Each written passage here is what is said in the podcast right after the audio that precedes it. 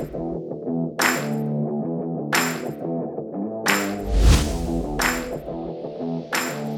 dobry, to jest Radio Proza. Ja nazywam się Łukasz Antoniewicz i zapraszam do wysłuchania 22 odcinka naszego podcastu. Dzisiaj wracamy do najnowszej rozmowy, jaka odbyła się w ramach cyklu Oblicza Katastrofy. Do rozmowy zaprosiliśmy Olgę Witkiewicz, dziennikarkę, socjolożkę i reportażystkę, autorkę głośnej książki Nie zdążę oraz Jakuba Nowotarskiego, aktywistę miejskiego specjalizującego się w tematyce komunikacji zbiorowej, doktora nauk ekonomicznych i prezesa Stowarzyszenia Akcja Miasto. Rozmowę moderował Michał Syska, dyrektor Ośrodka Myśli Społecznej imienia Ferdynanda Lasala i pełnomocnik prezydenta Dąbrowy Górniczej. Miłego słuchania.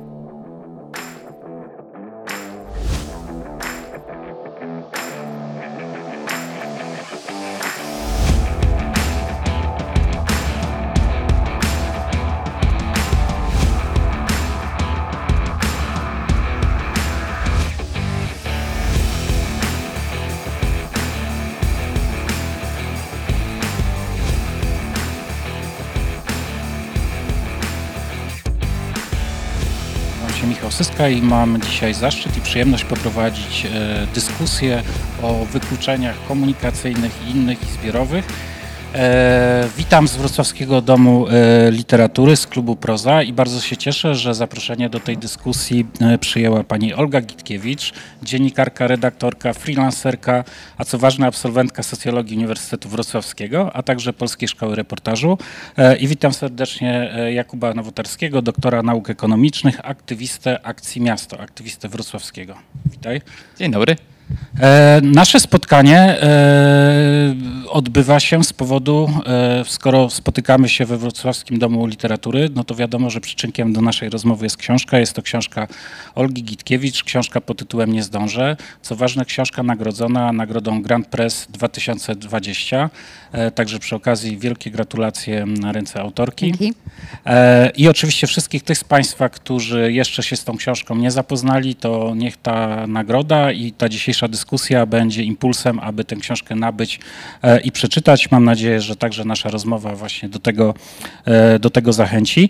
E, I zanim przejdziemy do tematu, który został zarysowany w tytule naszego dzisiejszego spotkania, to no nie mogę nie zacząć od literatury, skoro jesteśmy w takim miejscu, więc chciałem najpierw zapytać Olgę Kitkiewicz, jak to się stało, że absolwentka socjologii Uniwersytetu Wrocławskiego została reportażystką, czy reporterką, czy zdecydowała się uprawiać ten gatunek, no właśnie, e, dziennikarstwa, literatury, e, m, czy, czy, czy, czy być może jest to jakaś twórczość e, interwencyjna, więc skąd, e, skąd w ogóle e, ten pomysł na, na taką twórczość? Znaczy ja zaczynałam od prozy, od, od powieści. Wiele, wiele lat temu wydałam tutaj we wrocławskim wydawnictwie Atut y, powieść. Y, był konkurs marszałka chyba województwa na powieść o tematyce Dolnego Śląska. E, I ja tam dostałam wyróżnienie, ta książka została opublikowana, ale miałam, wtedy kończyłam studia i myślałam sobie, że może jeszcze, mm, może że za wcześnie ją trochę napisałam, jeszcze chciałam się zastanowić, co będę robić. Oczywiście myślałam cały czas o dziennikarstwie, ale trochę uciekłam w redagowanie. Ale zawsze jednak no, socjologia to jest, to jest taka dziedzina, w której trzeba się trochę przyglądać rzeczywistości takim różnym procesom. Ja myślę, że w tych książkach reporterskich, które teraz piszę, to jednak tę moją socjologię trochę widać, chociaż oczywiście ja nie jestem żadną badaczką ani naukowczynią, ale mam zamiłowanie do jakichś statystyk, liczb i do zastanawiania się, jakie one mają wpływ e, na życie ludzi i jakie jest przełożenie w ogóle statystyk rozmaitych na to, jak ludziom się żyje, co, jest, co za tymi liczbami jest. I, i, tyle.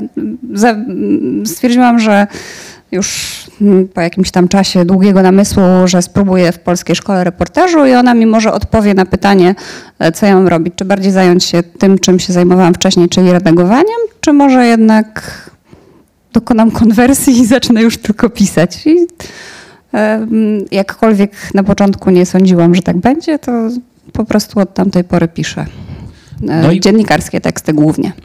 No i powstała książka Nie zdążę, która Mhm. jest poświęcona e, transportowi. To znaczy, jak ludzie się w Polsce, po Polsce i po miastach poruszają, albo jak Mhm. ruszać się nie mogą. E, Więc pytanie, skąd pomysł akurat na taki temat? Czy on, e, czy ten pomysł się narodził e, z osobistych doświadczeń, czy z takiego socjologicznego researchu, że no jest taki problem, warto go opisać, czy też właśnie, bo czasami też na przykład wnerwienie osobiste jest także ważnym impulsem, więc skąd, skąd ta inspiracja do, do podjęcia akurat tego, tego tematu? Wszystko po trochu, chociaż oczywiście e, to jest tak, że ja również mam te doświadczenia, o których w książkach piszę, czy w, w ogóle w tekstach prasowych, ale ja nigdy nie tworzę z nich bazy, czy jakiegoś takiego odbicia do książek. Wydaje mi się, że potrzebny jest jakiś dystans. E, I ja też mam oczywiście doświadczenie, e, ja mieszkałam w Skotnikach pod Trzebnicą. To Jak się tam sprowadziłam, to jeździł bus, a jak się, nie, jak kupiłam tam działkę, to jeździł bus, a jak odbieraliśmy dom, to on już e, od dawna nie jeździł, więc wiem, e, co znaczy takie życie, wiem, co znaczy przymusowe prawo jazdy i dojazdy do miasta wyłącznie samochodem, ale ja o tym w ogóle nie myślałam, kiedy pisałam książkę. To już było doświadczenie za mną i raczej przyglądałam się innym ludziom i temu, jak oni to odbierają. Natomiast e, ja się trochę śmieję, że ta moja pierwsza reporterska książka, czyli Nie hańbi, to jest dla mnie taka, mm, taka e, baza, taka grzybnia do kolejnych książek, bo kiedy rozmawiałam z ludźmi o ich pracy czy o ich doświadczeniu bezrobocia, to oni bardzo często też mówili o dojazdach do pracy, o codziennych dojazdach, e, nie wiem, na studia czy niemożności dojechania gdzieś, albo na przykład to było dla mnie takie bardzo uderzające, osoby bezrobotne mówiły, że są de facto bezrobotne, ale nie są zarejestrowane w Urzędzie Pracy, bo do powiatu nie jeździ nic. I może rowerem, jak jest ciepło, mogłyby jeździć, podbijać te, te druczki, ale zimą nie. I tak sobie myślałam o tym, a później rzeczywiście spotkałam się z opracowaniami takimi naukowymi zespołu Michała Wolańskiego e, przede wszystkim mm, i tam to, bardzo mnie uderzyła taka liczba, że ponad 30% dzieciaków w wieku no takim nastu lat, czyli kiedy zaczyna się mieć jakieś swoje marzenia, plany związane z przyszłością, e, te marzenia modyfikuje w oparciu o, ta, o transport publiczny. To znaczy nie idą do szkoły, o której marzą, tylko idą do szkoły, do której mogą dojechać. I to naprawdę mnie ruszyło. I tak sobie zbierałam te kamyczki i pomyślałam, że, że taka książka o tej naszej codziennej mobilności e, to jest taki właśnie temat, którym bym się chciała zająć. Bo to ja wiem, że Mówi się, że to jest książka o wykluczeniu transportowym, ale dla mnie ona była przede wszystkim książką o tym, że dzisiaj mieszkamy, pracujemy, uczymy się, jeździmy do urzędów w różnych miejscach, że, że już praca, szkoła nie są w odległości pieszego spaceru. E, do, e, do tych wszystkich e, kwestii związanych z wykluczeniem z tymi opowieściami, które są w tej książce, za chwilę wrócimy, no ale teraz chciałem się zwrócić do, do Jakuba, który, jak sądzę, myślę, że się nie mylę, był jednym z pierwszych czytelników tej książki jako aktywista e, miejski, więc chciałem się zapytać e, o, o to, dla, mm, czy ta książka jest ważna z perspektywy aktywisty, y, aktywisty miejskiego i a jeśli jest ważna, to dlaczego? Znaczy, co ta książka y, twoim zdaniem y, właśnie z perspektywy osoby zaangażowanej w tę tematykę, którą ona podnosi, powinna być, powinna być czytana? Co, czy, czy, czy, czy znalazłeś tam jakieś inspirujące ciebie rzeczy? Y, Tak, tak. Potwierdzam, że byłem jednym z pierwszych czytelników, to znaczy kupiłem jak tylko się ukazała i przeczytałem jednym tchem od razu. Y, Bardzo mnie ta lektura pochłonęła. Y, Część wątków mniej więcej znałem, natomiast te ludzkie historie, gdzie ludzie opowiadali po prostu o swoim wykluczeniu, o tym, jak dużym problemem jest dla nich dotarcie do, na przykład do miasta, jeśli, jeśli mieszkają na terenach wiejskich, y, no to dla mnie było bardzo, to było dla mnie bardzo mocne. I to też pokazywało, czy pomagało mi połączyć kropki i myślę, że to jest tak naprawdę wartość y, dla wszystkich y, aktywistów miejskich. Ja jestem mieszczuchem z krwi i kości, zawsze mieszkałem we Wrocławiu, no z epizodem w Stanach Zjednoczonych, no ale to się nie liczy, chociaż tam też byłem wykluczony transportowo. E, ale no nie mam tego doświadczenia, że mieszkam na przykład pod Wrocławiem i mam problem z tym, żeby do, dotrzeć do miasta. E, Więc e, no to była dla mnie taka tematyka, którą ja znałem z różnych opowieści pisanych Natomiast to nigdy jakoś bezpośrednio tego nie doświadczyłem. Ta książka mi w tym pomogła. I teraz, tak jak mówię o łączeniu kropek, y, Wrocław bardzo negatywnie doświadcza y, tego, y, tych wszystkich skutków, które są związane z wykluczeniem transportowym. Nie mamy danych za, za teraz, bo teraz trochę systemy transportowe są w innym, w innym trybie działania, przez to, że jesteśmy wciąż w pandemii, ludzie mniej się, mniej się przemieszczają, a udział y, podróży samochodami jest większy niż był, ale sprzed pandemii te dane, które mieliśmy, to jest 240 tysięcy samochodów, które codziennie wjeżdżają do Wrocławia. I nie chodzi o te samochody, które jadą y, A4 i A8 i tylko przejeżdżają obok, ale to cho- chodzi o te, które do miasta wjeżdżają. To jest y, gigantyczna liczba i też, żeby mieć punkt odniesienia, to prezydent Poznania mówił o bardzo dużym problemie tego typu, gdzie liczba aut wjeżdżających do Poznania była na poziomie 90 tysięcy. To wszystko z czegoś wynika. To, że ludzie są skazani na samochody. y, y, Oczywiście to ma swoje przyczyny, ale y, właśnie ta książka pozwala połączyć kropki, tak jak mówię, bo no to się nie bierze z niczego. Skoro ludzie nie mają wyboru, y, wybierają y, samochód, potem wjeżdża tego y, tak dużo do miasta, a potem mieszkańcy miast narzekają na wszystkie problemy, które wynikają z transportu, czyli między innymi problem w przemieszczaniu się z A do B, czyli długi czas podróży, y, ale również te wszystkie koszty zewnętrzne transportu, czyli na przykład niebezpieczeństwo na drodze, duży hałas, y, brak miejsca na zieleń czy zanieczyszczone powietrze. Jesteśmy przyzwyczajeni do tego, że te problemy w miastach istnieją, ale one mają swoje przyczyny i o nich mówi ta książka. To chciałem wrócić do, e, do e, bohaterów książki też, czy, bo, bo, no bo książka reporterska jest głównie książką o ludziach, więc chciałem się zapytać, kto jest tak naprawdę w Polsce? No to ba- pytanie bardziej socjologiczne niż, niż reporterskie, ale chciałem przejść właśnie od tej warstwy reporterskiej do socjologicznej, bo, bo nie chciałbym, żebyśmy streszczali historię osób, które są w książce, bo liczę na to, że nasi widzowie sięgną po książkę się z nimi zapoznają, ale chciałem zapytać o to, kto, jakie grupy e, społeczne są głównymi ofiarami e, wykluczenia trans, e, transportowego. Jak, jak moglibyśmy to pokazać na takiej mapie socjologicznej? To oczywiście będzie mocno uśrednione, ale jest kilka takich grup.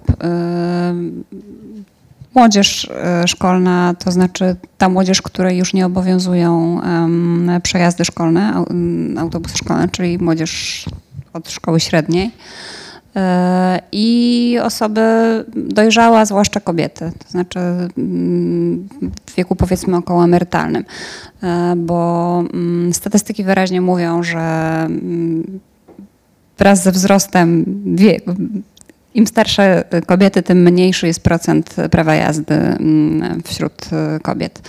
I to są kobiety, które już e, tego prawa jazdy po prostu nie zrobią, bo, bo już oduczyły się mm, ucze, u, u, uczenia się, e, już przyzwyczaiły się do swojej sytuacji, jakoś tam ją oswoiły i też nie mają mm, być może przekonania, że w ogóle mm, prawo jazdy rzeczywiście coś by w ich e, życiu zmieniło, bo na przykład może nie byłoby ich stać na to, żeby utrzymać samochód, żeby się o niego zatroszczyć. Samochód to są wydatki.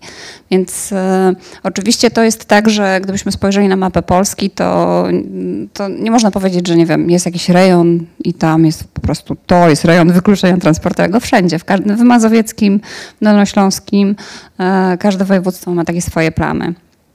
Ale wśród tych plam najbardziej wykluczona jest ta taka młodzież.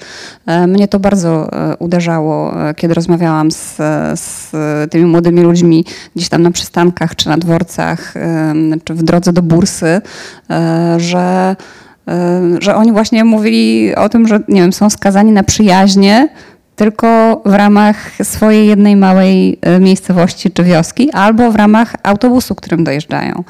Em, że tam się toczy takie życie towarzyskie, Em, że ich marzeniem największym jest w ogóle zrobienie prawa jazdy, a nawet właściwie to nie jest marzenie, tylko jakaś oczywistość. To jest coś takiego, jest takie domniemanie, kończysz 18 lat, musisz mieć prawo jazdy. I to dopiero jest ta dorosłość, to jest dopiero to świadectwo takie prawdziwe, materialne i taki dowód, że jest prawo jazdy, można sobie jakoś w życiu poradzić.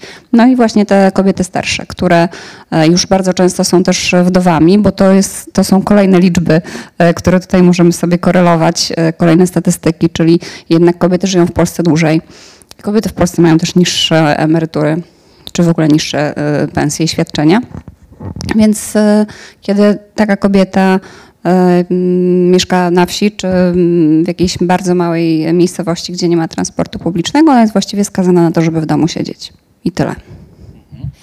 Y, To teraz chciałem zapytać, bo ty, Ku- Jakubie, powiedziałeś w swojej wypowiedzi, e, opisując tę sytuację e, osób dojeżdżających samochodami do, do Wrocławia, tak, do pracy czy na uczelnię, napisałeś, że, że to nie bierze się z niczego. Więc chciałem się zapytać, z czego to się bierze? Znaczy, chciałem się zapytać o, o przyczyny wykluczenia transportowego, bo gdy się śledzi e, e, na przykład dane, które przytacza autor innej ważnej książki Ostre cięcie Karol Tramer, e, książki poświęconej wykluczeniu w transporcie kolejowym. Tak? On, autor tej książki pokazuje, jak redukowano liczbę połączeń, Więc można odnieść wrażenie, że przez ostatnie e, dekady e, to wykluczenie transportowe ono się e, paradoksalnie pogłębiało, mimo jakby rozwoju technologicznego, e, wzrostowi zamożności e, dużych grup społecznych itd., itd.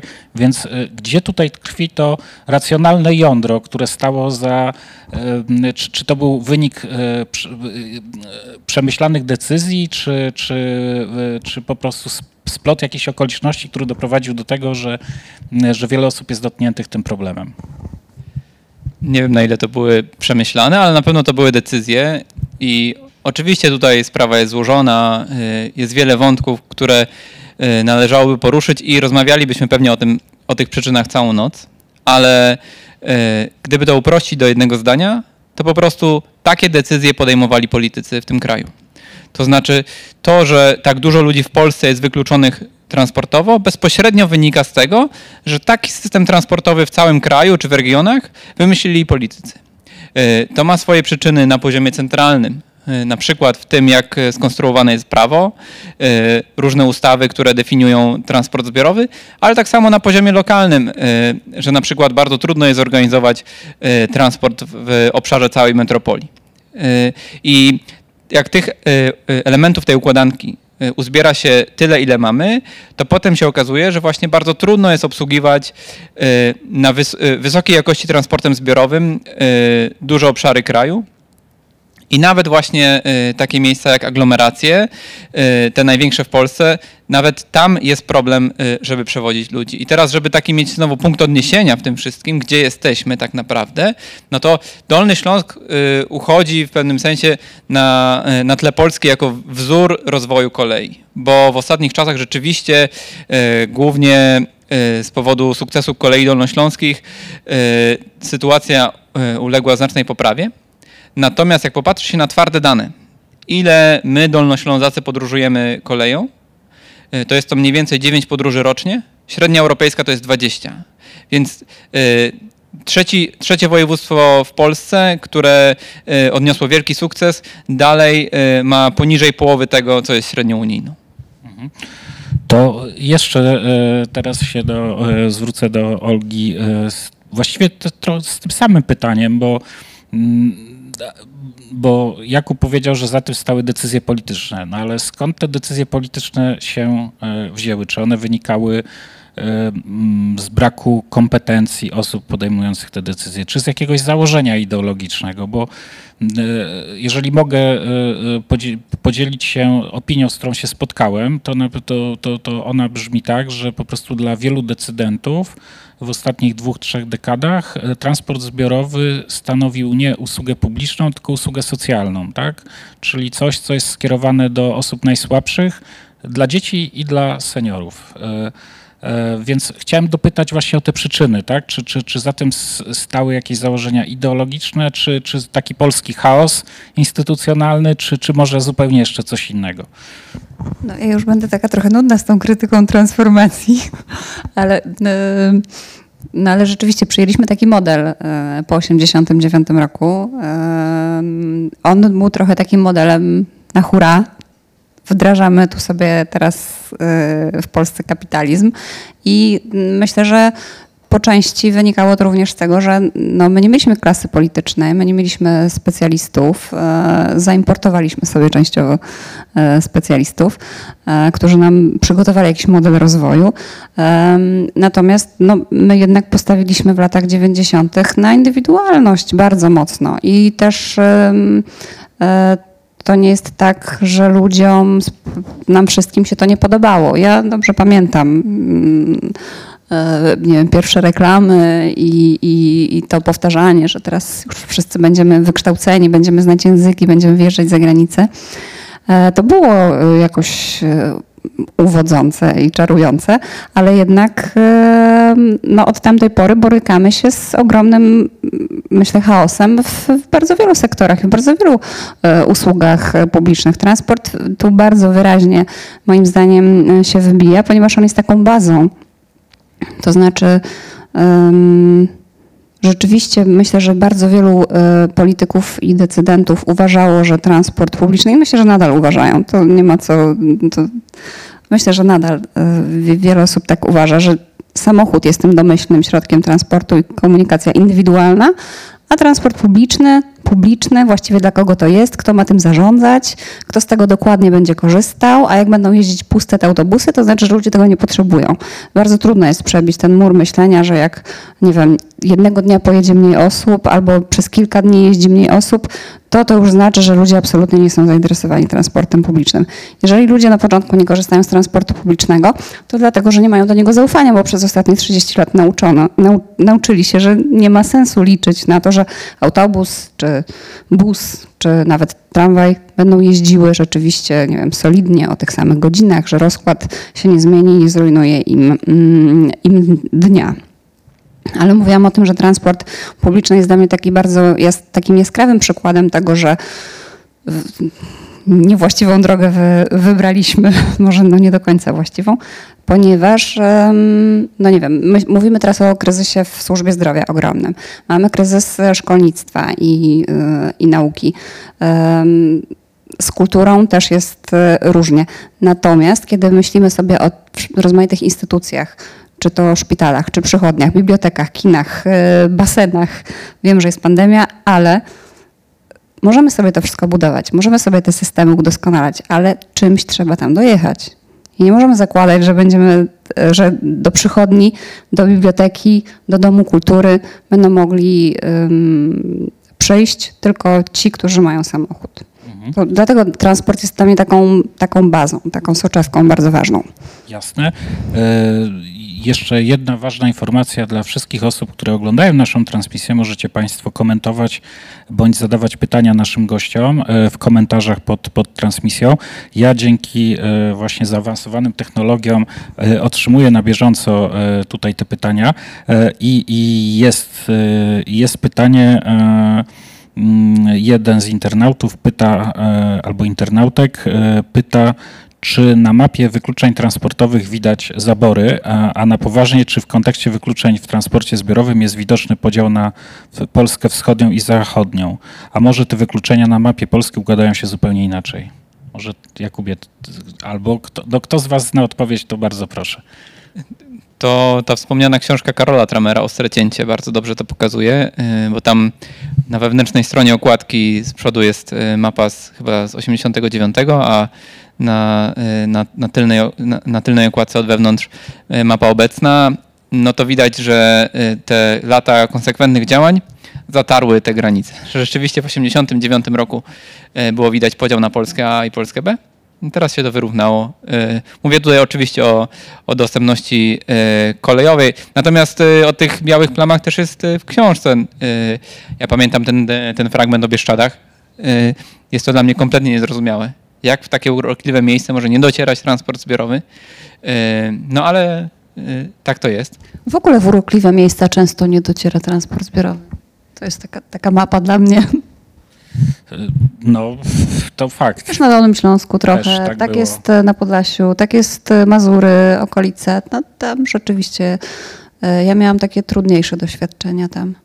Ale e, ja właśnie ja też nie, nie lubię tego określenia widać zabory, ale jak sobie tak myślę, co widać, to myślę widać powiaty. No, niektóre powiaty, niektóre województwa.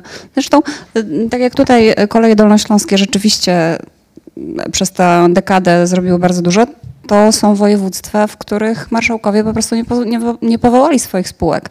I to jest dla mnie też bardzo wyraźny sygnał tego, że taki marszałek nie do końca wierzy w transport publiczny, nie do końca wierzy, że, że w ogóle ludzi warto przewozić z punktu A do punktu B.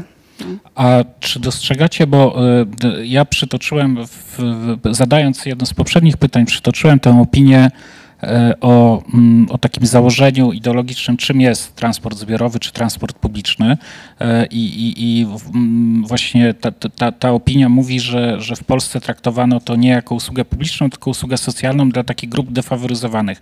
Czy nie jest trochę tak, e, że e, ten transport, że to jest takie trochę zamknięte koło, tak? Że jest wykluczenie transportowe, osoby o wyższym statusie, przedstawiciele klasy średniej potrafią sobie z tym problemem poradzić, e, bo, bo na przykład e, mogą sobie zainwestować w, dobry, w dobre auto albo przeprowadzić się e, do miejsca, e, gdzie mają dostęp, bo przytoczę tutaj autentyczną historię z jednego z dolnośląskich miast, gdzie prowadziłem dyskusję na temat takich wyzwań rozwojowych dla, dla miast małych i średnich. I tam uczestniczka tego spotkania no, powiedziała, że się przeprowadziła z, z jednego miasta średniej wielkości do drugiego, oddalonego tam o 20 kilometrów, tylko z tego powodu, że tam e, była, e, były lepsze połączenia kolejowe, tak? E, ale ona była przedstawicielką klasy średniej e, i pewnie jej łatwiej było podjąć ta, taką, taką decyzję. I czy trochę nie jest tak, że o ten transport publiczny nie ma kto zawalczyć, nie ma kto wywrzeć e, e, presji na polityków, e, ponieważ klasa średnia nie korzysta z tego transportu zbiorowego, a wiadomo, że tu tą siłą przetargowa jest dużo wyższa klasy średniej niż biednych, wykluczonych emerytów na Podlasiu bądź w Bieszczadach. Czy to, czy, czy dobrze e, to diagnozuję? Tak? To Ja się z tym spotkałem na wielu poziomach bardzo, również właśnie e, w tej działalności społecznej. Więc przede wszystkim ja się z taką diagnozą zgadzam, e, że rzeczywiście tak jest. To się trochę teraz zmienia też za sprawą małej grupki trochę młodszych wiekiem posłów, którzy wręcz szczycą się tym, że podróżują na, na przykład na posiedzenie Sejmu e, transportem zbiorowym i wielka im chwała za to, bo trochę odczarowują ten wizerunek transportu zbiorowego. Więc bardzo dobrze, że taki przekaz się pojawia. Wydaje mi się, że to też widać trochę w, myśleniu o mieście. Nawet widać to w, taryfie biletowej, bo coraz powszechniejsze jest to, żeby młodzież szkolna e, nie tylko miała bilety ulgowe, ale wręcz jeździła za darmo, więc e, to jest dostrz- dostrzegane. Natomiast e, rozmowa o dostępności cenowej po, wszystkich pozostałych jest zupełnie inna. No i właśnie we Wrocławiu tego doświadczamy, bo e, od 1 stycznia mieliśmy bardzo wyraźną, ponad 30% podwyżkę biletów jednorazowych. My, my bardzo głośno jako Akcja Miasto mówiliśmy, że to jest nieuzasadnione i że to jest bardzo zły moment na to wszystko, bo mamy teraz trudne czasy, czasy, w którym transport zbiorowy ma bardzo pod górkę i utrudniać dostępność e, tramwajów e, i autobusów w takim momencie właśnie poprzez podnoszenie cen, no to jest e, trochę strzał w stopę. To jest zachęcanie ludzi do tego, żeby po prostu w codziennych podróżach wybierali samochód. I rzeczywiście jest tak, że pasażerowie jako wielka grupa mm, nie mają takiej solidnej reprezentacji. Yy, Ja nie pamiętam dokładnych liczb. Wydaje mi się, że MPK Wrocław szacuje, że yy, rocznie przewozi, yy, rocz, rocznie za, za ich udziałem odbywa się ponad 200 milionów podróży. To jest ogromna liczba. Mniej więcej co, co trzecia podróż we Wrocławiu to trzecia, to czwarta we Wrocławiu jest transportem zbiorowym. Jakby to odnieść do tego, ilu jest we Wrocławiu osób, to bardzo dużo ludzi ma w swoim interesie to, y, żeby transport zbiorowy był jak najwyższej jakości. Y, Pewnie w skali województwa, w skali kraju jest bardzo podobnie, natomiast, y, no tak jak powiedziałeś, z jakiegoś powodu ten głos nie wybrzmiewał i mieliśmy bardzo duży regres, czego chyba szczytem właśnie są te dwie książki, szczególnie ta, ta o której dzisiaj rozmawiamy. Ten, ten polityczny wiatr też trochę zaczął wiać w inną stronę, bo nawet partia rządząca zaczęła mówić y, o tym problemie i to w kampanii wyborczej, więc y, to urosło do rangi politycznego problemu. Jeszcze nie poszły za tym y, bardzo konkretne działania, które by rzeczywistość zmieniły na dużo lepsze i te wszystkie błędy z przeszłości naprawiały, ale przynajmniej jest, jakieś, jest jakaś iskierka nadziei w tym wszystkim. No my jako stowarzyszenie bardzo się staramy być tym głosem, to znaczy staramy się być rzecznikami tak naprawdę zrównoważonego transportu, bo to nie chodzi tylko o transport zbiorowy, y, bo nie każdy musi się przemieszczać tramwajem, autobusem czy pociągiem, y, ale trzeba system transportowy czy w mieście, czy w aglomeracji, czy w całym regionie, czy w kraju organizować tak, żeby to było optymalne dla ludzi. Y, Więc żeby ludzie nie byli skazywani na samochód, bo nie każdy może z niego skorzystać i żeby to też było z myślą o przyszłych pokoleniach, z myślą o ek- ekologii, o tych wszystkich kosztach zewnętrznych, o których rozmawiamy. O tym też jest w książce, na przykład y, o problemie y, bezpieczeństwa na drodze. Więc y, tak naprawdę to, w jaki sposób jest uszyty cały system transportowy w kraju, ma swoje daleko idące konsekwencje. No tak jak mówię, my staramy się to robić, ruchy miejskie w Polsce również, ale już na przykład na poziomie regionalnym, na poziomie dys- dyskusji o ustawie o transporcie zbiorowym, tego głosu w zasadzie nie słychać, bo no to też, też jest dużo trudniejsza materia. Czy jeszcze tak do, do tej kwestii klasowej coś? Y, Rzeczywiście mm, jest tak, że pasażerowie, czy pasażerowie i pasażerki jako tacy, to nie jest grupa, która by spójnie artykułowała swoje potrzeby czy swoje interesy. Bardzo rozproszona to jest taka e, grupa i nawet e, może o tym świadczyć e, mm, taka petycja, którą kiedyś opracował Łódzki Instytut Spraw Obywatelskich. Oni się domagali w takiej akcji My Pasażerowie e, właśnie zrównoważonego, sensownego, zaplanowanego transportu i do tej akcji e, była dołączona towarzysząca petycja i tam się bardzo, jeżeli chodzi w ogóle o poziom podpisywania petycji w internecie, to to było naprawdę no, bardzo niewiele głosów, bardzo niewielkie ona wzb- wzbudziła reakcję.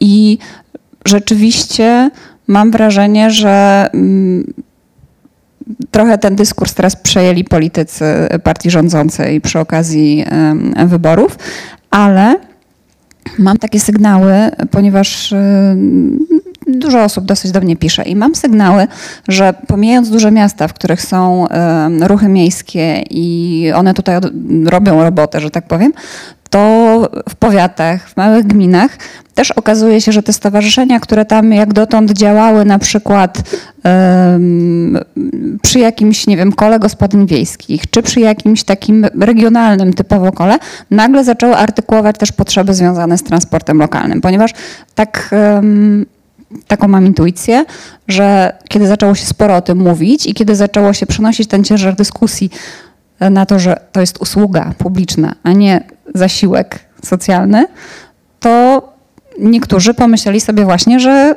no dobrze, to my pójdziemy do swojego wójta czy do swojego starosty i powiemy, no jak, piątka PiSu jest, pan jest z PiSu starostą i my nie mamy transportu publicznego.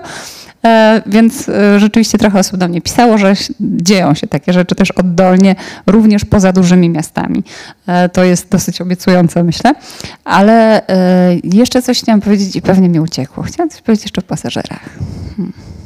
No dobra, pewnie sobie przypomnę za 30 sekund. Dobra, to, to, to, to w takim razie zapytam Kubę, a Olga się zastanawia na temat pasażerów, bo chciałem zapytać o tę kwestię tu i teraz, tak? Bo e, e, oboje właściwie zwróciliście na to uwagę, że kwestia transportu jakoś e, w dyskursie takim politycznym się znalazła e, między innymi ze sprawą partii, która sprawuje obecnie e, władzę od 2015 roku. E, chciałem też zapytać e, was o ten bilans, tak? Bo e, pamiętam, że my, my spotkaliśmy się bodajże pod koniec 2019 roku. Wydaje mi się, że to wtedy e, premier Morawiecki ogłosił program dla PKS-ów, e, więc, więc, więc myślę, że jest też dobra okazja, żeby podsumować te próby, tak? Na, na, na ile na ile te próby były skuteczne, a na ile były nieskuteczne i mogą jeszcze bardziej pogorszyć jakby mm, nie sytuację, ale być może nastawienie ludzi do, do, do tego problemu. Czy mógłbyś się, Jakubie, pokusić Jasne, jasne. o taką ocenę?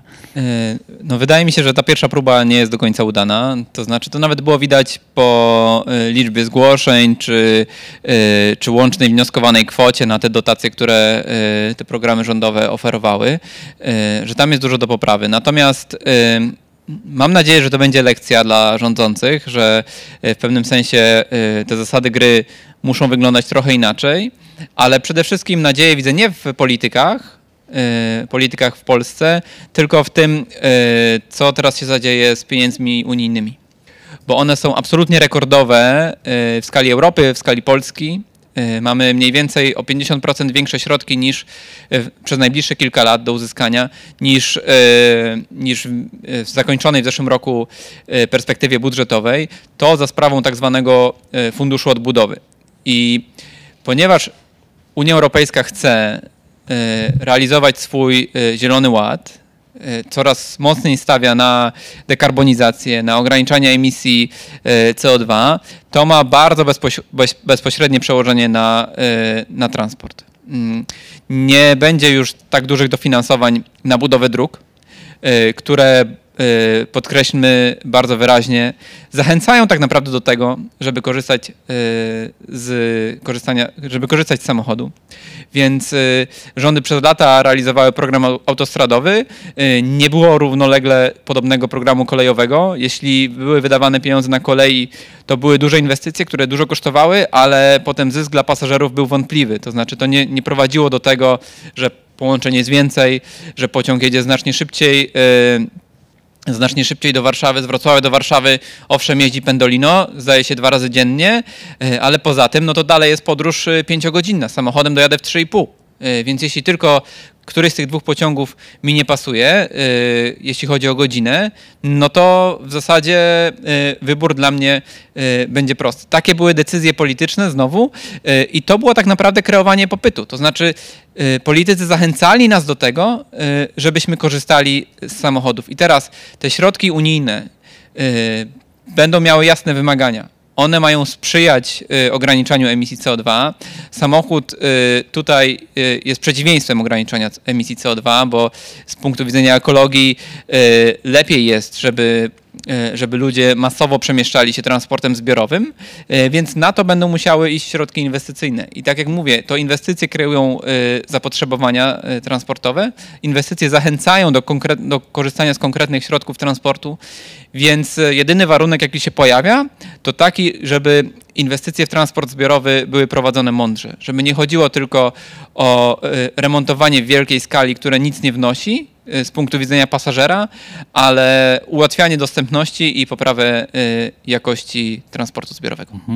To wrócił PKS tam w te miejsca, gdzie go nie było, opisane w książce. Ministerstwo Infra- Infrastruktury na pewno powie, że tak, bo Ministerstwo Infrastruktury jednak przedstawia ten program w, po stronie sukcesów w swoim tam kajeciku, w którym zapisuje źle, dobrze. To program PKS-owy myślę dobrze oceniają. Ja źle bardzo, znaczy, no dobrze, może nie bardzo źle, bo jednak coś w nim drga co jakiś czas.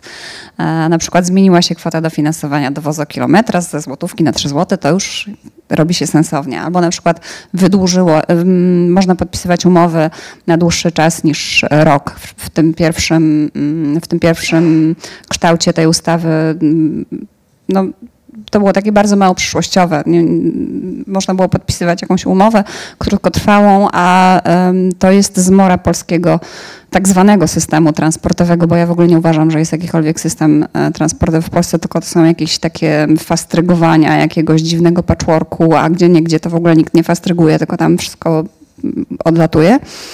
E, To jego właśnie taką zmorą jest też e, brak wizji długoterminowej ale to jest e, w ogóle kwestia naszej polityki bardzo często. To znaczy myślimy w kategorii jednej kadencji i nie martwimy się o, tym, o to, że nie wiem, moglibyśmy sobie na 20 lat założyć jakieś, gdzie tam, nie, no muszą być jakieś e, rzeczy widowiskowe w ciągu najbliższych dwóch lat, żeby wyborcy Kadencja mogli... trwa 4 lata. Tak, tak. No, dokładnie. Więc oczywiście, no nie wiem, myślę sobie teraz o Jaworznie. Oczywiście to jest miasto i to jest zupełnie inny system, ale o ile wiem, tam od 20 lat y, jest realizowana jedna konkretna e, wizja z pewnymi modyfikacjami, no ale zaczyna być widać e, mm, efekty e, tych, tych dwóch dekad e, planu i jakichś konkretnych działań. A ustawa autobusowa mam wrażenie, że została mm, po to wdrożona, żeby dać ludziom znać, że e, nie bójmy się tej nazwy użyć PiS, bo to jest ta partia, o której wszyscy mówimy teraz ciągle, że PiS słucha ludzi w regionach też. Że PiS nie jest tylko tą partią, która słucha tylko ludzi w dużych miastach, ale że słucha też e, ludzi mieszkających e, gdzieś tam w powiatach, w regionach, w gminach. Mm, Ale ponieważ e, to wracamy znowu, zataczamy koło, ponieważ nasi politycy jednak są przyzwyczajeni do tego, żeby jeździć samochodami i jednak ciągle nie do końca wiedzą, co to jest ten transport publiczny, no to tak została skonstruowana ta ustawa. Y, Przypominam naszym widzom, że możecie Państwo zadawać pytania, komentować. Najciekawsze będziemy tutaj przekazywać naszym gościom. I mamy y, kolejne pytanie. Ono jest bezpośrednio zaadresowane do autorki książki. Jak wygląda zbieranie materiału do takiej książki? Zwykli ludzie to wiadomo, że z chęcią o tym mówią, ale politycy i urzędnicy chcą rozmawiać z pisarką, reporterką? Niektórzy chcą, a niektórzy nie. No i teraz pytanie, dlaczego niektórzy nie chcą? E, No, Ministerstwo Infrastruktury nie chce. Ciekawe czemu. No, no nie wiem. E, To znaczy, jeżeli, jeżeli pisze się tekst prasowy, mm, to ma się deadline. To ma się, nie wiem, trzy tygodnie na napisanie tekstu, miesiąc. W dzisiejszych czasach to jest, to jest e, dosyć komfortowe, kiedy ma się powiedzmy miesiąc na napisanie tekstu. A jak się pisze książkę, to ma się rok, półtora, dwa lata. Można do kogoś napisać albo zadzwonić i spróbować się umówić. Jak ten ktoś nie chce, to można próbować po czterech miesiącach. Nie ma takiego deadline'u. Albo, nie wiem, no generalnie mm, rzeczywiście ten czas, to rozciągnięcie e, pracy w czasie daje dosyć duży komfort, bo można ten materiał zbierać. Można też e, mm, do tego materiału nabrać y, krytycznego dystansu. To znaczy to, co ja myślałam na początku, zanim zaczęłam pisać książkę, zanim przeprowadziłam ileś tam rozmów, bardzo odbiegało od tego, co finalnie sobie tam przeprocesowałam w głowie, e, z czym się zmierzyłam i co zobaczyłam. Więc oczywiście ja przede wszystkim bardzo dużo jeździłam, bardzo dużo, nawet jeżeli nie rozmawiałam, bo no, z reporterami, reporterkami to nie jest tak, że my mamy jakąś taką przyrodzoną łatwość rozmowy z ludźmi i zawsze po prostu wysiadam z autobusu i od razu mówię, o dzień dobry, proszę mi tu opowiedzieć. Nie, są takie dni, kiedy ja naprawdę nie mam ochoty do nikogo się odzywać i myślę nie, nie, nie, nie, nie zadzwonię do nikogo, nie, nie, nic do nikogo nie powiem. Więc y, bywały też takie podróże, kiedy po prostu jechałam i siedziałam i patrzyłam, rozglądałam się, oglądałam sobie przystanki, oglądałam sobie dworce, oglądałam sobie pobocza. A bywały też takie dni, tygodnie, kiedy bardzo intensywnie rozmawiałam z różnymi osobami. Na przykład mm, bardzo, bardzo mnie bawiło, jak umawiałam się w Lipnie na rozmowę. Lipno to jest ten modelowy powiat, który powołał swoją e, swój własny zakład transportu i to było jeszcze przed ustawą autobusową. Ten zakład już ma chyba trzy lata. E, I kiedy ja się tam umawiałam na rozmowę, to to było przed ogłoszeniem piątki PiSu. I oni mi tam powiedzieli, dobrze, pani przyjedzie, to pani po- opowiadamy, powiemy i tak dalej. No to w porządku. Ale jak już udało nam się umówić i udało mi się wyjechać z domu i dojechać tam na miejsce, to już było po ogłoszeniu piątki PiSu. I wtedy się dowiedziałam, że Boże, teraz wszyscy do nas chcą przyjeżdżać, wszyscy chcą rozmawiać.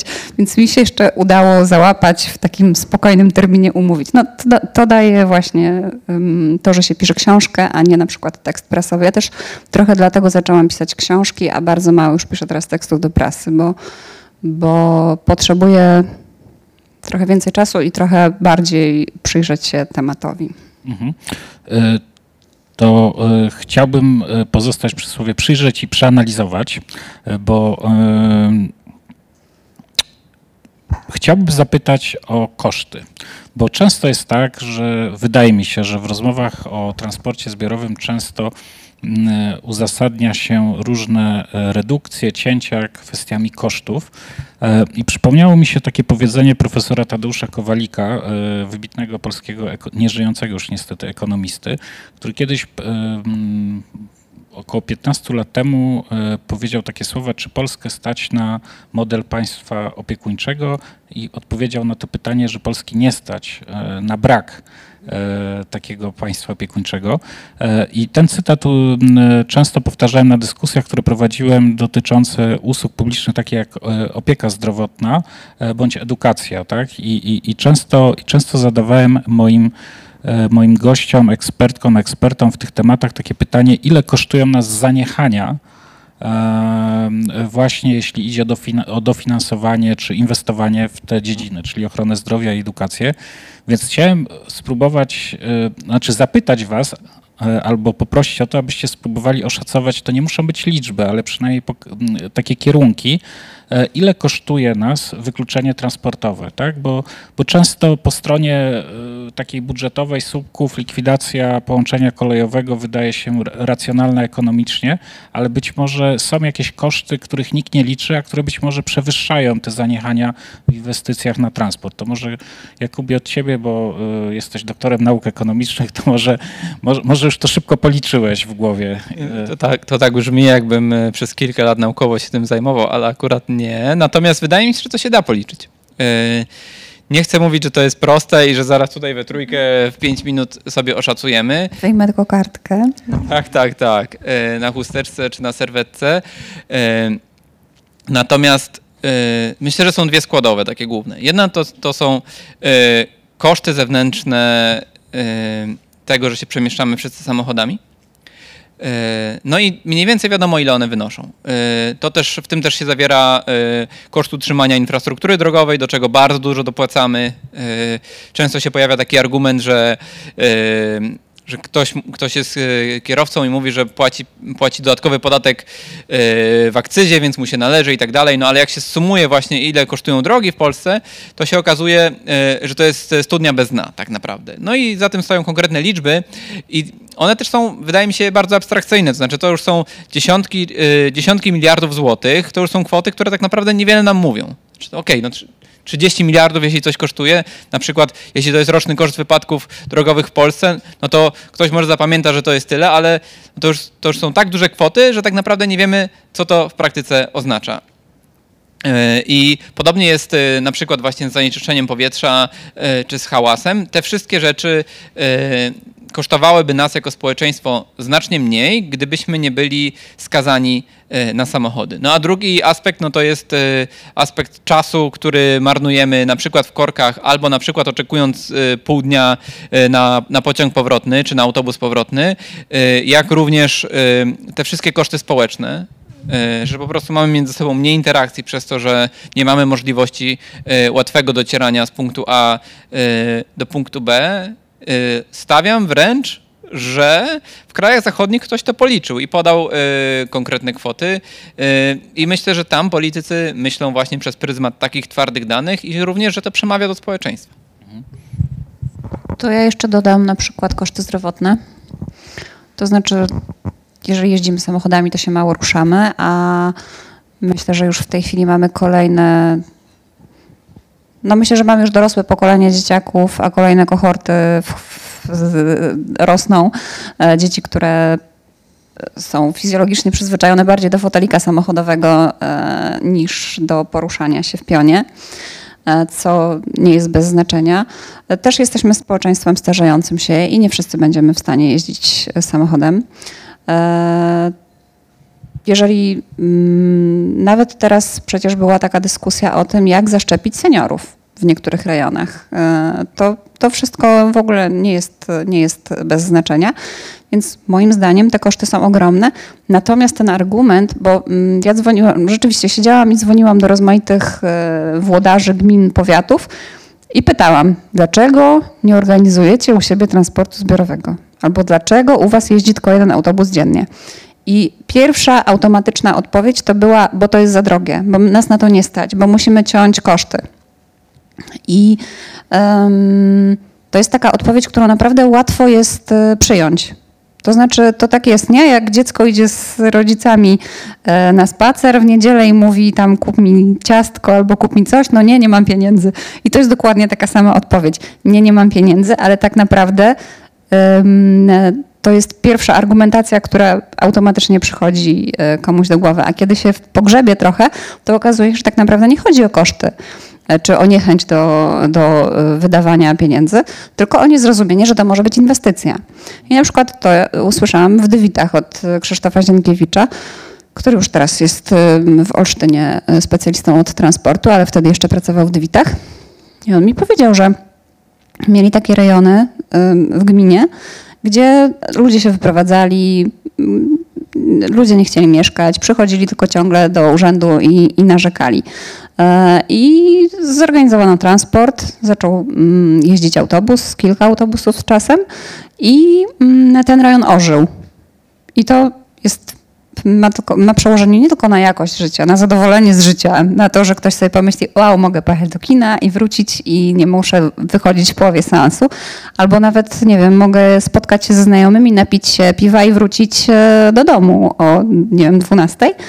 E, Ale też na przykład ma to przełożenie ja w, tu muszę trochę sama ze sobą zapolemizować, bo ja nie jestem em, wielbicielką rozlewania się e, obszarów e, na tereny wiejskie, no ale jednak, jeżeli są jakieś grunty przeznaczone pod zabudowę, to jeżeli dojeżdża gdzieś transport, to te grunty rzeczywiście mają szansę e, zamienić się w domy, w szeregowce i tak dalej i ludzie mogą tam mieszkać. Ci ludzie zostawią podatki w tej gminie. No to, mm, no to jest dosyć e, logiczne.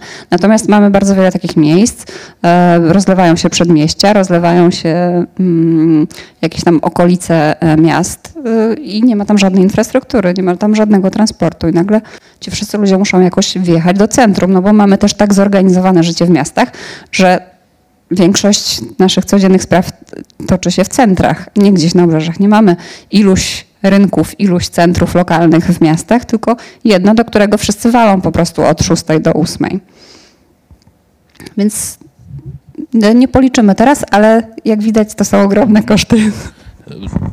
Tak, i y, wydaje mi się, że, że y, te same osoby, które, które używa, tak, używają takiego, takiej ekonomizacji tak, podejścia do tego tematu, to mo, można by było użyć tego samego argumentu, bo, bo mnie się przypomniał e, jeden fakt, gdy, gdy na początku podawałaś ten przykład warmińsko-mazurskiego, że tam osoby nie podejmują pracy, bo nie mają jak dojechać. Ja pamiętam, że czytałem taki artykuł właśnie relacjonujący sytuację e, dotyczącą e, Warmii i Mazur i tam wręcz e, jest tak, że pracownicy Urzędu Pracy nawet nie proponują e, e, tym osobom, bo, bo, bo wiedzą, że te osoby nie są w stanie przyjechać, więc to już jest nawet świadomość wśród urzędników, że, że tak po prostu jest, czyli dezaktywizacja zawodowa jest tutaj takim kosztem, no twa, twardym kosztem ekonomicznym. Ale mamy pytania, e, mamy pytania. Oczywiście tam część e, tych obowiązków przejęły na, na siebie duże zakłady produkcyjne, które organizują dowozy do pracy, ale to nie jest, nie w każdym rejonie mamy taki przemysł, Mhm. żeby to działało. Y, Mamy kolejne pytania od, od naszych y, widzów.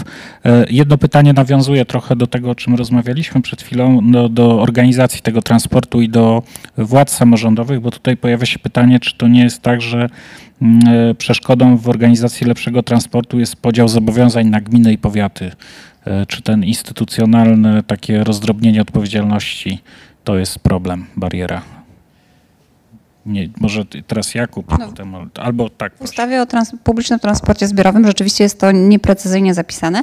To znaczy, że organizatorem transportu może być powiat, związek powiatów, gmina, związek gmin i ostatecznie z tego wynika e, to, że nikt nie bierze na siebie tej odpowiedzialności, bo nikt jej nie czuje.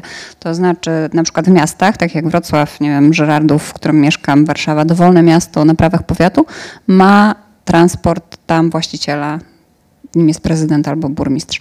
Natomiast poza miastami e, ta sytuacja już nie jest klarowna i bardzo często i bardzo często panuje taka psychologia, no to nie, to nie ja, to gmina, to nie ja, to powiat. I zresztą słyszałam to od urzędników, od, od włodarzy lokalnych, że ktoś mi tam z jakiś e, z satysfakcją wójt mi mówił, że e, przychodzą do mnie ludzie i mówią, że chcą transport, a ja mówię, idźcie do starosty, do starosta. To nie jest prawda. To nie jest prawda. Gdyby Mhm. są starostowie i są wójtowie, którzy się ogarnęli i organizują ten transport. Ja też na to podobnie patrzę, to znaczy dla mnie y, te ramy prawne, jakie są, one nie są idealne, ale to chyba bardziej funkcjonuje jako wymówka polityczna, tak naprawdę. Y, No i znowu, y, trochę ekonomizując ten problem, myśląc w kategorii zysku i kosztu, no na przykład, tak jak mówiłem o tych 240 tysiącach samochodów, które wjeżdżają do Wrocławia, wrocławianom byłoby lepiej, gdyby tych samochodów wjeżdżało mniej. Więc jest w naszym, w naszym mieszkańców interesie, więc skoro my jesteśmy mieszkańcy wspólnotą i y, mamy y, urzędnika, który zarządza miastem, no to skoro w naszym interesie jest to, y, żeby tych samochodów wjeżdżało mniej, no to naturalnym jest, żeby, żeby prezydent Wrocławia czy prezydent każdego innego dużego miasta był tak naprawdę liderem takich transportowych zmian w aglomeracji, nawet jeśli to jest, y, to jest y, prawnie trudne, czy nawet jeśli się pojawią pytania, no dlaczego ja mam finansować podróże kogoś, kto mieszka nie w mojej gminie, a tuż obok, nie płaci tutaj podatków. Y, No ale właśnie, tak jak, y, tak jak rozmawiamy, to wszystko ma swoje konsekwencje. To znaczy, to nie jest tak, że jest każda gmina otoczona murem i, i że my tylko tutaj sami dla siebie. Wrocław dla Wrocławian, coś w tym stylu? Absolutnie nie.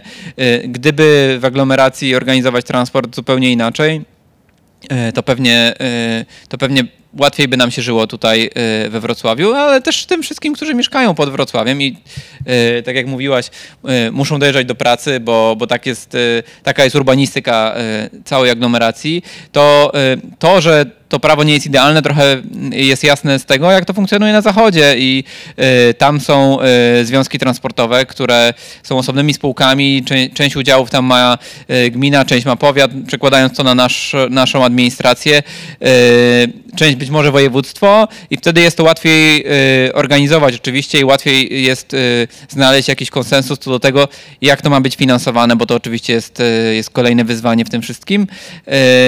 No, niemniej jednak przy tej skali rozlanych miast, którą mamy w Polsce, y, mówię o, y, o tysiącach ludzi, którzy wyprowadzili się z centrów y, na przedmieścia y, i też y, dalej mają potrzeby transportowe, no jak najszybciej powinno się to zmienić. Właśnie po to, y, żeby mniej ludzi w konsekwencji było skazanych na samochód.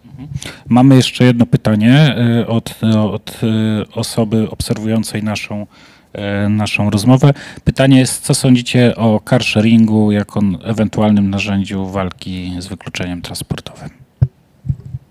Mi się wydaje, że to jest dobre uzupełnienie tego, co można skrótem myślałem nazwać systemem transportowym, Y, ale, ale to nigdy nie będzie y, narzędzie, które w pierwszej kolejności y, zbawi świat. Bo szczególnie w takich miejscach, gdzie ludzi mieszka bardzo dużo, czyli w dużych miastach, czy w ich centrach, to będzie udogodnienie i zachęta do tego, żeby jednak nie posiadać samochodu, Więc, więc to z- automatu ułatwia yy, organizowanie całego systemu transportowego, yy, ale wydaje mi się, że priorytetem powinno być postawienie na transport zbiorowy, mm, dobrą urbanistykę, która, która pozwala załatwiać tak zwane codzienne sprawy w najbliższym otoczeniu domu, w sieć dróg, dróg rowerowych, które są wygodne, bezpieczne, y, taką, żeby rowerem z punktu A do punktu B można było się wygodniej i szybciej dostać niż samochodem.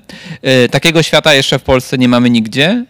Y, Niektóre miasta się zmieniają wolniej, niektóre szybciej, no ale wycieczka na przykład do Szwajcarii czy Holandii pokazuje, że tak naprawdę mamy jeszcze bardzo długą drogę do pokonania i niestety te miasta właśnie holenderskie i szwajcarskie, jak się popatrzy na ich podejście do organizowania y, całego ich systemu transportowego, to widać, że tam myślenie już jest na zupełnie innym poziomie. To znaczy, że oni y, myślą do przodu, zastanawiają się, jakie będą mieli, y, jakie będą mieli kolejne wyzwania, czy na przykład zastanawiają się Holendrzy, jak jeszcze więcej ludzi przekonać do tego, żeby, y, żeby jeździli na rowerach, mimo że jest to kraj, który chodzi za światowy wzór, gdzie y, w zasadzie cały kraj jest pokryty y, bardzo wysokiej jakości ym, siecią dróg dla rowerów, gdzie dzieci uczą się w szkole, w zasadzie można powiedzieć przedmiotu komunikacja rowerowa, mają też zajęcia praktyczne. Jest to dla nich zupełnie naturalny środek, takie przedłużenie nóg w zasadzie.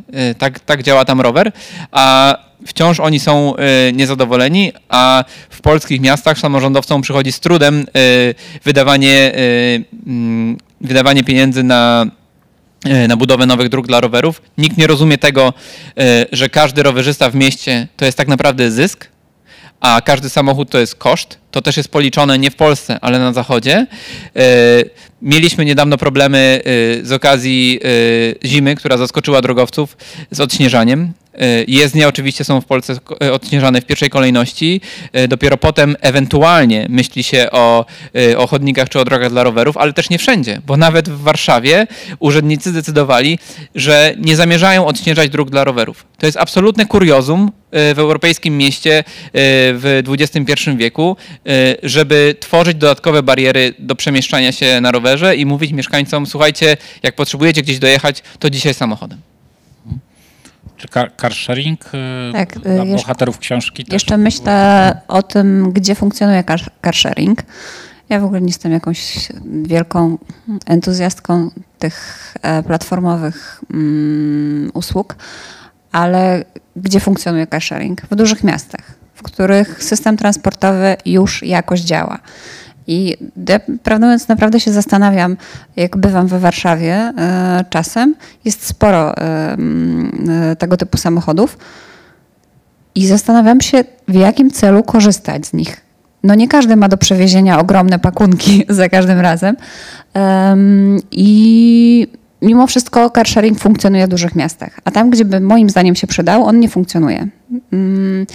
Mm, Natomiast wydaje mi się, że taki zinstytucjonalizowany car sharing czy carpooling, po prostu, e, nie wiem, niektórzy mówią na to tam powiatowy blablacar, jeżeli już e, mm, m- mamy tak e, to nazywać, to mogłoby być rozwiązanie rzeczywiście, bo w bardzo wielu regionach urzędnicy mówią, że busy, duże autobusy to jest ogromny koszt, a nie mamy też takich dróg, a nie mamy w ogóle przystanków i tak dalej.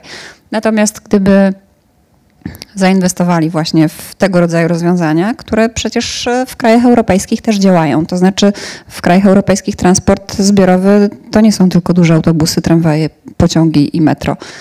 Tylko szuka się różnych rozwiązań. To znaczy mamy XXI wiek, zmieniły się trochę przyzwyczajenia ludzi, zmieniła nam się struktura e, przestrzenna też, e, też kraju i można myśleć o systemie transportowym w taki trochę bardziej nowoczesny sposób niż tylko to, że mamy pociąg i autobus na 49 osób. To e, na koniec, bo już rozmawiamy e, równo godzinę, e, ale chciałem nawiązać do, do tego wątku, który pojawił się teraz w wypowiedziach, bo chciałem skupić się na dużych miastach. A, a chcę to zrobić z powodu takiego, że obawiam się miejskiej wojny domowej w Polsce. E, I już wytłumaczę, o co, o co mi chodzi. E, Powodem do, do podjęcia tej kwestii jest zresztą tekst Olgi Gitkiewicz, który przeczytałem ostatnio na portalu miesięcznika Więź. e, Poświęcony. Znak. Znak, przepraszam. Znak. Tak. Spokojnie. Tak, bo nie, w internecie ciężko zapamiętać, gdzie się, gdzie się czyta, ale, ale, do, ale profil. Parkingu? Pro, profil tak, o parkingu. O parkingach, o parkingach w miastach. E, To był taki, e, rozumiem, twój manifest przeciwko postulatowi e, budowy kolejnych parkingów, ale mm, chcę się o to zapytać, ponieważ można zaobserwować takie zjawisko i wydaje mi się, że profesor Kubicki wsk- w którejś ze swoich publikacji ostatnich wskazywał na takie zjawisko takiej miejskiej kontrrewolucji, to znaczy te wszystkie idee, o których tutaj dzisiaj rozmawiamy, one zyskują popularność w dużych miastach, także wśród tej klasy średniej, która jest taka najbardziej opiniotwórcza i, i, i ma wpływ na decydentów. E, Ale no, za tą akcją idzie reakcja, tak? I, i można zauważyć e, e, coraz wyraźniejsze głosy, po pierwsze sprzeciwiające się idei e, zrównoważonej mobilności w miastach, e, i postulujących e, e, e, e, ułatwienia dla kierowców i dla ruchu samochodowego w miastach i w centrach miast. I to się wiąże z postulatami zwiększenia liczby parkingów, poszerzenia e, ulic e, i tak dalej, i tak dalej. Jest to często sprzedawane takim językiem obrony e, praw kierowców, jakoby kierowcy byli tą teraz taką uciskaną grupą społeczną. Więc chciałem się zapytać, e, e, e, jak zapobiec e, wojnie domowej e, w polskich e, miastach i jakim językiem, jak mówić o zrównoważonej mobilności, aby e, ludzi do tego przekonywać, a nie e, straszyć, tak? Ja- ja- Jakich, jakich przekonywać do, e, do korzyści, jakie mogą płynąć z tej e, zielonej mobilności. Na przykład przekonywać do postulatu, że więcej parkingów w miastach to nie jest najlepszy pomysł. Y, To jest taki paradoks, bo w ogóle ja mam w znaku co miesiąc felieton i mm, to się nazywa Gry Miejskie, cały ten cykl i jest to rozmaitych mm, nie, meblach miejskich, każdy o- odcinek jest o czymś innym. I ten parking, ten tekst o parkingu, w przeciwieństwie do różnych innych, bo już piszę do znaku od jakiegoś czasu, e, no bardzo, bardzo jakoś gorąco ludzie reagowali na niego. Niektórzy pisali mi różne privy, że w ogóle skąd ja się urwałam i więc to już jakoś obrazuje mniej więcej rzeczywiście stan tej, tej wojny. E, Natomiast kiedy się rozmawia z ludźmi, z mieszkańcami miast, dużych również, to przecież tak naprawdę, i w badaniach to wychodzi, większość chciałaby, żeby do miast wjeżdżało mniej samochodów. Większość chciałaby mieć więcej parków, a mniej parkingów. E, Chciałaby mieć więcej zieleni, a mniej betonu i asfaltu. W badaniach to wychodzi, ale jednocześnie kierowcy, osoby, które mają samochód, chciałyby móc, inni nie, ale ja moim samochodem tak i pod moim blokiem zaparkować koniecznie.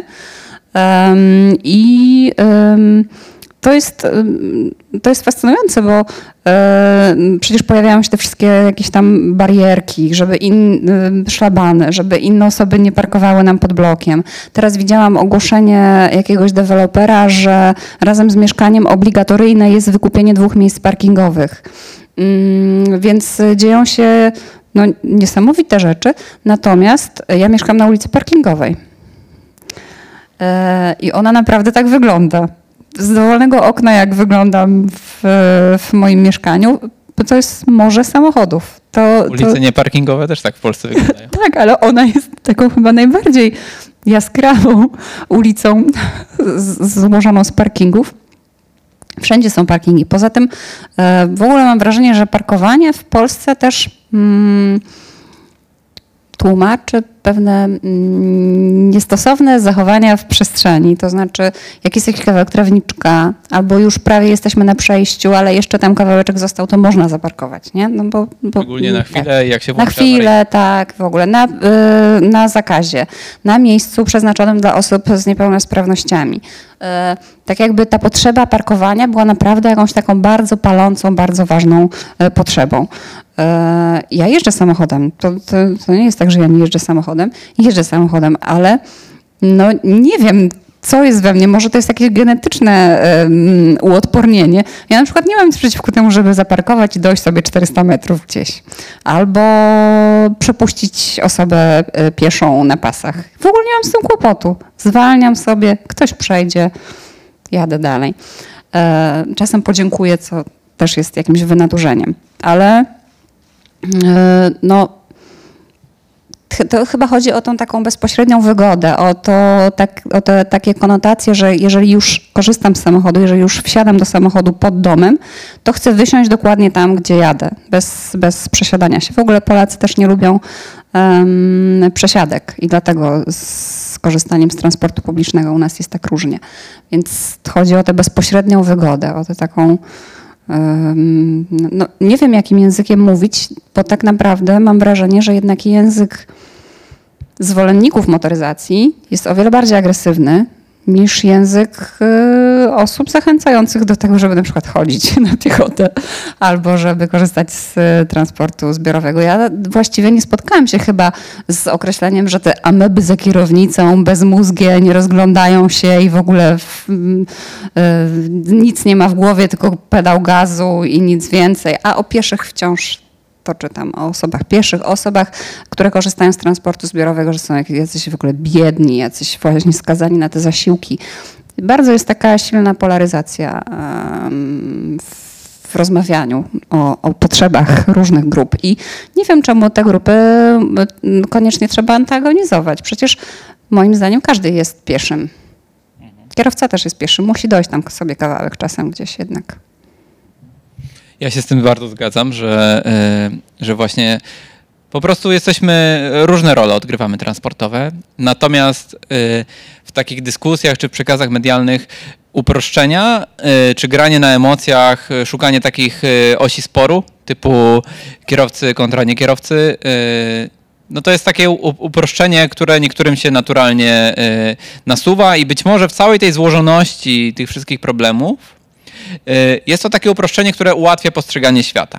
Że na przykład, skoro prezydent jakiegoś miasta podjął szereg decyzji, to on jest przeciwko kierowcom. Ale co to tak naprawdę znaczy, że jest? Czyli przeciwko komu jest tak naprawdę? Przeciwko tym, którzy się y, urodzili w samochodzie, czy przeciwko tym, którzy y, w wieku pięciu lat wylosowali na loterii prawo jazdy? No nie wiadomo za bardzo właśnie y, i to jest bardzo trudne. Po drugie, y, ty, Michał, mówiłeś o czymś takim, że y, zróbmy coś dla kierowców. Y, to też się bardzo często pojawia właśnie jako taki postulat, y, ale z tym jest bardzo duży problem, tylko ten problem jest nieintuicyjny w zrozumieniu. To znaczy intuicja podpowiada, że jeśli zrobimy jakieś ułatwienia właśnie dla ruchu drogowego, czyli dla ruchu samochodów indywidualnych, to nagle tym, którzy częściej wybierają samochód, będzie z jakiegoś powodu łatwiej, no bo zrobiliśmy im ułatwienia. Ale y, jest konsensus naukowy co do tego. To wszyscy naukowcy na świecie w zasadzie nie mają wątpliwości, bo to już jest zbadane na, e, na poziomie i teorii, która wynika z takiej czystej, abstrakcyjnej matematyki, i na poziomie twardych danych. To znaczy, naukowcy popatrzyli na konkretne miasta, na konkretne ulice i zbadali ruch przed i po. Tam się okazało, że jakiekolwiek udogodnienia prowadzą wyłącznie do tego, że zachęcamy kolejnych ludzi do korzystania z samochodu. To może być poszerzenie drogi, to może być dłuższe zielone na, y, na jakiejś głównej drodze, która wlatuje do centrum, a to może być dodatkowy parking. Więc tak jak mówiłem już wcześniej, y, politycy tak naprawdę zarządzają naszymi przyzwyczajeniami transportowymi. Jeśli, y, jeśli prezydent Wrocławia chciałby, żeby więcej ludzi jeździło na rowerze niż dzisiaj, to on musi za priorytet postawić sobie budowę dróg dla rowerów, ale nie tylko po prostu wydawać na to pieniądze, ale zastanowić się, w jaki sposób to ma ludzi zachęcać, czyli w jaki sposób to ma tworzyć system, który jest wygodny i bezpieczny i tak jak mówiłem, y, pozwala na rowerze przemieszczać się szybciej i wygodniej y, niż samochodem. Więc przy tych wszystkich y, trudnościach i przy tym też, co wiemy właśnie ze świata nauki, y, jeszcze przy tym y, języku, tak jak ty wspomniałaś, to jest z kolei moim zdaniem y, można nawiązać do trochę do y, ekonomii beha- behawioralnej, czyli że strata zawsze będzie dla nas y, większym bodźcem niż zysk tej samej wielkości. To znaczy, jeśli ktoś mi ukradnie 10 zł, to moja reakcja będzie, będzie mm, będzie ostrzejsza niż jeśli ktoś mi da. Znaczy ucieszę się trochę, a zdenerwuję się bardzo, yy, więc yy, transportowo myślę, yy, że jest tak samo. I teraz jedyne, jedyne, co ja widzę na horyzoncie jako, mm, jako taka sensowna przyszłość, no to jest zaufanie temu, co mówi, nauka.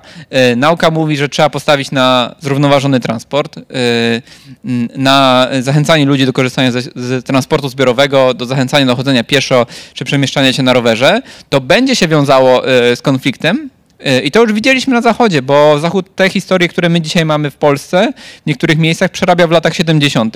Tam wtedy był odwrót od y, y, modernistycznego myślenia o urbanistyce, o transporcie. Y, Były nawet takie historie y, w Holandii, że, y, że wice, wiceburmistrz jednego z miast musiał prosić o ochronę, bo mieszkańcy grozili mu śmiercią właśnie po tym, jak podejmowano decyzję o y, otwieraniu ulic dla, dla rowerów, a ograniczaniu ich y, dla ruchu samochodów. Y, ale potem, i to jest najważniejsza lekcja z tego wszystkiego, pół roku, rok po, po wprowadzeniu takich zmian, mieszkańcy mówili, że my jednak to popieramy. Y, Więc bardzo trudno jest uwierzyć y, na słowo politykom, y, ale potem, jak się widzi efekty, efekty zdecydowanych, sensownych, sprawdzonych działań, to okazuje się, że to wszystko ma poparcie mieszkańców. Być może to, że kadencja samorządowców jest wydłużona teraz w Polsce do pięciu lat, sprawi, że trochę łatwiej będzie takie zmiany wprowadzać, bo to jest zawsze więcej czasu na to, żeby pewne rozwiązania obronić, żeby po jakimś czasie właśnie przedstawić mieszkańcom ewaluację y, danych projektów, żeby mieć czas na eksperymentowanie y, i na y, pokazywanie tych wszystkich korzyści, o których rozmawialiśmy, czy zmniejszonych kosztów. Jest zresztą o tym książka, nazywa się Walka o ulicę. Ona opisuje zmiany, zmiany, jakie zachodziły w Nowym Jorku i opisuje je główna urzędniczka, która się wtedy transportem zajmowała. Ona bardzo dużo mówi o tym, że ten konflikt jest nieunikniony, że po prostu trzeba mieć potem twarde dane, które pokazują, że po zmianach y, coś działa lepiej, ale jednocześnie też y, mówi, że nie, nie we wszystkich miejscach, gdzie zmiany zostały wprowadzone, one zostały utrzymane. To znaczy, jeśli ewaluacja pokazała, że nic to nie daje, albo że, y, że mierząc różnymi aspektami sytuacja się pogorszyła, to te zmiany zostały odwracane. Y, Rozmawiamy w trakcie pandemii. To spotkanie jest bardzo dziwne, bo nie ma z nami widzów i przed spotkaniem z organizatorami zastanawialiśmy się, czy po pandemii e, ludzie wrócą na spotkania autorskie. Więc na koniec chciałem was się zapytać, czy po pandemii ludzie wrócą do komunikacji zbiorowej, bo wiadomo, że liczba użytkowników radykalnie się zmniejszyła w trakcie pandemii. Czy ludzie wrócą? Ewentualnie jak ich do tego zachęcać, żeby wracali? Czy to jest w tej chwili takie główne waszym zdaniem wyzwanie? Dla transportu zbiorowego, to może od Olki. No to, jest, to jest kłopot rzeczywiście, bo bardzo spadła liczba pasażerów. Mm, em, W dowolnym, w dowolnym miejscu, nie wiem, nawet w tym lipniu, o którym wspominałam, tam też bardzo e, spadła liczba pasażerów. Oni znowu jeżdżą według e, dawnego rozkładu e, jazdy, ale pasażerów jest zdecydowanie mniej. E, Widać to też w pociągach, widać to właściwie w każdej gałęzi komunikacji. I e, ja myślę, że już za, zaczął się taki delikatny przed pandemią powrót, powrót pasażerów e, do transportu zbiorowego. Zaczęło się właśnie hashtagowanie, tak, że zbiorkom jest fajny i, i, i zaczęły się takie ruchy. E, Nie wiem, niektóre marszałkowskie koleje e, zaczęły budować swoje marki, jako marki po prostu, że fajnie jest z tej marki korzystać i to jest dolnośląskie, próbują to robić koleje śląskie, wielkopolskie. Mm, Więc ja miałam wrażenie, że coś drgnie. Pandemia bardzo y, popsuła sprawę, ale moim zdaniem o wiele bardziej niż pandemia popsuć może to też, w jaki sposób znowu zaczęliśmy mówić o transporcie zbiorowym i jednocześnie to, że znowu podejmuje się e, chaotyczne, nieprzemyślane, doraźne decyzje. To znaczy tniemy rozkład. Czyli co, co robimy, jak tniemy rozkład? To nie jest żadna inwestycja i to nie jest żadna oszczędność, bo ludzie się zniechęcą i później będzie ich bardzo trudno przekonać do tego, żeby wrócili, bo będą znowu myśleli, że rozkład jest niestabilny, że nie można polegać, że przy dowolnym tąpnięciu na rynku znowu nam zabiorą niedzielne połączenia albo popołudniowe połączenia. E, Poza tym em, transport publiczny jest bezpieczny i mogę to powtarzać do końca tam strony na Facebooku i tak dalej. Natomiast e, bardzo wiele osób i to polityków powtarza, że trzeba na niego uważać. Reklamy społeczne, które były emitowane w pandemii, też podkreślały bardzo to, że e, uważaj w transporcie publicznym, jak możesz, to nie jedź do pracy tramwajem, nie jedź do pracy autobusem. To jednak, to znaczy granie na strachu jednak bardziej przekonuje ludzi i zostaje w głowie o wiele dłużej niż właśnie 50, 50 razy powtórzenie transport publiczny jest bezpieczny, bo ktoś będzie miał ten mały znak zapytania. E, Więc mam wrażenie, że musimy też zmienić mówienie e, o transporcie publicznym. Bo dlaczego politycy nasi nie mówią, hej, były badania zrobione i nie wyszło, że jest więcej zakażeń w transporcie publicznym. Hej, to były prawdziwe badania, to nie jest to, co nam się wydaje. No, no były takie badania.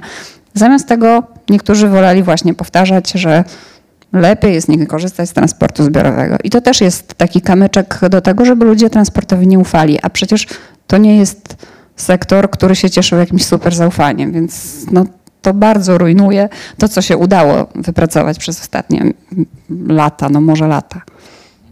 Ja myślę, że o tych emocjach, właśnie o strachu, y, który dzisiaj niektórym towarzyszy, jeśli myślą o transporcie zbiorowym, y, że o tym zapomnimy, y, szczególnie właśnie jak większość społeczeństwa się za- zaszczepi i tak dalej. Natomiast ty trochę już dotknęłaś tego tematu, że problem jest w tym, że niektórych zniechęciliśmy na trwałe. To znaczy, jeśli ktoś przed pandemią poruszał się transportem zbiorowym i dla niego to była y, wystarczająca oferta, ale w trakcie pandemii kupił samochód, to wcale nie znaczy, że jak tylko pandemia się skończy, to od razu sprzedaje samochód i kupuje bilet okresowy z powrotem, bo być może się okaże, że po prostu siła przyzwyczajenia y, będzie mocniejsza, albo że właśnie organizator y, y, transportu zbiorowego stwierdzi, że skoro mniej ludzi jeździ, no to tniemy połączenia, no bo to jest niepotrzebne. Y, to jest to błędne koło, o którym y, dzisiaj wielokrotnie rozmawialiśmy. Większa y, nadzieja tutaj jest dla dużych miast, bo one po prostu więcej samochodów już nie przyjmą. I, y, I tego mieszkańcy dużych miast y, doświadczają od lat, y, więc tutaj nie ma po prostu innego wyjścia niż alternatywa w postaci niezawodnego transportu zbiorowego. Co się wydarzy w Polsce y, powiatowej, no to, to jest inne pytanie. Y, Tak jak mówiłem, y, liczę bardzo na to, że środki unijne poprawią dostępność transportu zbiorowego, bo będzie się to mogło wiązać właśnie z tym, że linie kolejowe są reaktywowane, że marszałkowie województw kupują dodatkowe składy kolejowe i dzięki temu więcej pociągów może jeździć, czy częściej mogą jeździć w dane miejsca. To jest taka iskierka nadziei. y, Natomiast no, co się wydarzy, tak naprawdę nie, nie wiadomo. Też y, niektóre miasta y, na świecie, w Polsce w zasadzie tylko Kraków, y, stwierdziły, że skoro mm, tak zmienia się świat w tym momencie, y, trzeba przeciwdziałać temu, żeby y, ludzie przesiadali się z transportu zbiorowego do samochodów i Kraków i my kiedyś to liczyliśmy, nam wyszło wiosną, że 200 miast na świecie, pewnie ich jest dzisiaj dużo więcej, postawiło na szybkie wyznaczanie tras rowerowych kosztem jezdni, bo też był taki okres, na przykład w kwietniu, że samochodów na ulicach było mniej. To był moment, żeby wprowadzać zmiany y, w zasadzie bez tego y, kosztu, który jest związany z niezadowoleniem społecznym, y, bo nikt tego nie odczuwał i pokazywać, ok, zapraszamy was do jeżdżenia na rowerze. To się stało w kilku miejscach w Krakowie, tam urzędnicy pokazywali właśnie twarde dane po tym wszystkim, pokazywali, że to po prostu działa, że mieszkańcy na trwale prze- przenieśli się na rower i że na moście grunwaldzkim e, w Krakowie jest niemal tyle samo podróży w szczycie e, na rowerze, co samochodami. E, No i to jest właśnie sensowna polityka e, transportowa, która jest też dłu- e, długoterminowa i konsekwentna, bo jest w tym wszystkim jakiś cel. E, Mianowicie e, postawiony cel, że nie możemy mieć aż tylu samochodów jednocześnie na drogach, e, bo wtedy to będzie utrudnienie dla wszystkich. Musimy tworzyć e, zachęty do korzystania z innych środków transportu, a skoro mamy taki moment e, w historii świata, że ludzie e, z różnych powodów nie wsiadają do transportu zbiorowego, to trzeba zrobić wszystko, e, żeby nie wsiedli do samochodów, bo tak jak mówiłem, jeśli je kupią, to jest bardzo duża szansa na to, że już przy tym wyborze zostaną. Dziękuję. Na koniec pytanie do Olgi Gitkiewicz. Czy pracujesz nad jakąś kolejną książką, a jeśli tak, to czy możesz uchylić rąbka tajemnicy albo przynajmniej powiedzieć, kiedy, kiedy możemy się spodziewać i książki, i ciebie we Wrocławskim Domu Literatury na spotkaniu promującym tę nową książkę? Tak, mogę dużo. Mogę, już właściwie kończę, więc, więc mogę opowiadać teraz tak. 2 sierpnia jest premiera. To jest książka trochę inna, e, bo to jest historyczna książka. E, To miała być biografia, ale to nie jest biografia ostatecznie, tylko jakiś taki rodzaj eseju, chociaż elementy biograficzne oczywiście tam się znajdą. I to miała być biografia Haliny Krachelskiej. To była międzywojenna działaczka między innymi inspektorka pracy, ale ostatecznie to też nie jest książka tylko Halinie Grachelskiej. To właśnie daje, e, w pisaniu książek to jest najfajniejsze, że jest ten czas i te projekty ewoluują można się namyślić i proszę, miałam napisać biografię Haliny Grachelskiej, a piszę nie tylko nie biografię, ale nie Haliny Grachelskiej. Znaczy, ona nadal jest główną bohaterką tej książki, ale jeszcze tam są jakieś odnogi. Generalnie to jest historyczna książka, dzieje się w pierwszej połowie XX wieku w Polsce. Mm, tak. Okej, no to ja już jestem bardzo, to już jeden zadeklarowany czytelnik jest ze względu na treść. E, Dobrze, to bardzo Wam serdecznie e, dziękuję. Olga Gitkiewicz, Jakub Nowotarski byli naszymi Dzięki. gośćmi. E, Bardzo dziękuję Wrocławskiemu Domu Literatury i wszystkim osobom, dzięki którym była możliwa od strony technicznej nasza dzisiejsza transmisja, to spotkanie. Mam nadzieję, że wkrótce będziemy mogli się spotkać z czytelniczkami, czytelnikami tutaj w domu, w, w klubie Proza, w Domu Literatury w przejściu gancarskim na wrocławskim rynku już na żywo, bo wydaje mi się, że wszyscy za tym bardzo mocno e, tęsknimy. Tymczasem e, jeszcze raz bardzo polecamy książkę Nie zdążę. Czekamy na kolejną książkę Olgi Gikiewicz, a tymczasem życzę wszystkim miłego wieczoru i dużo, dużo zdrowia.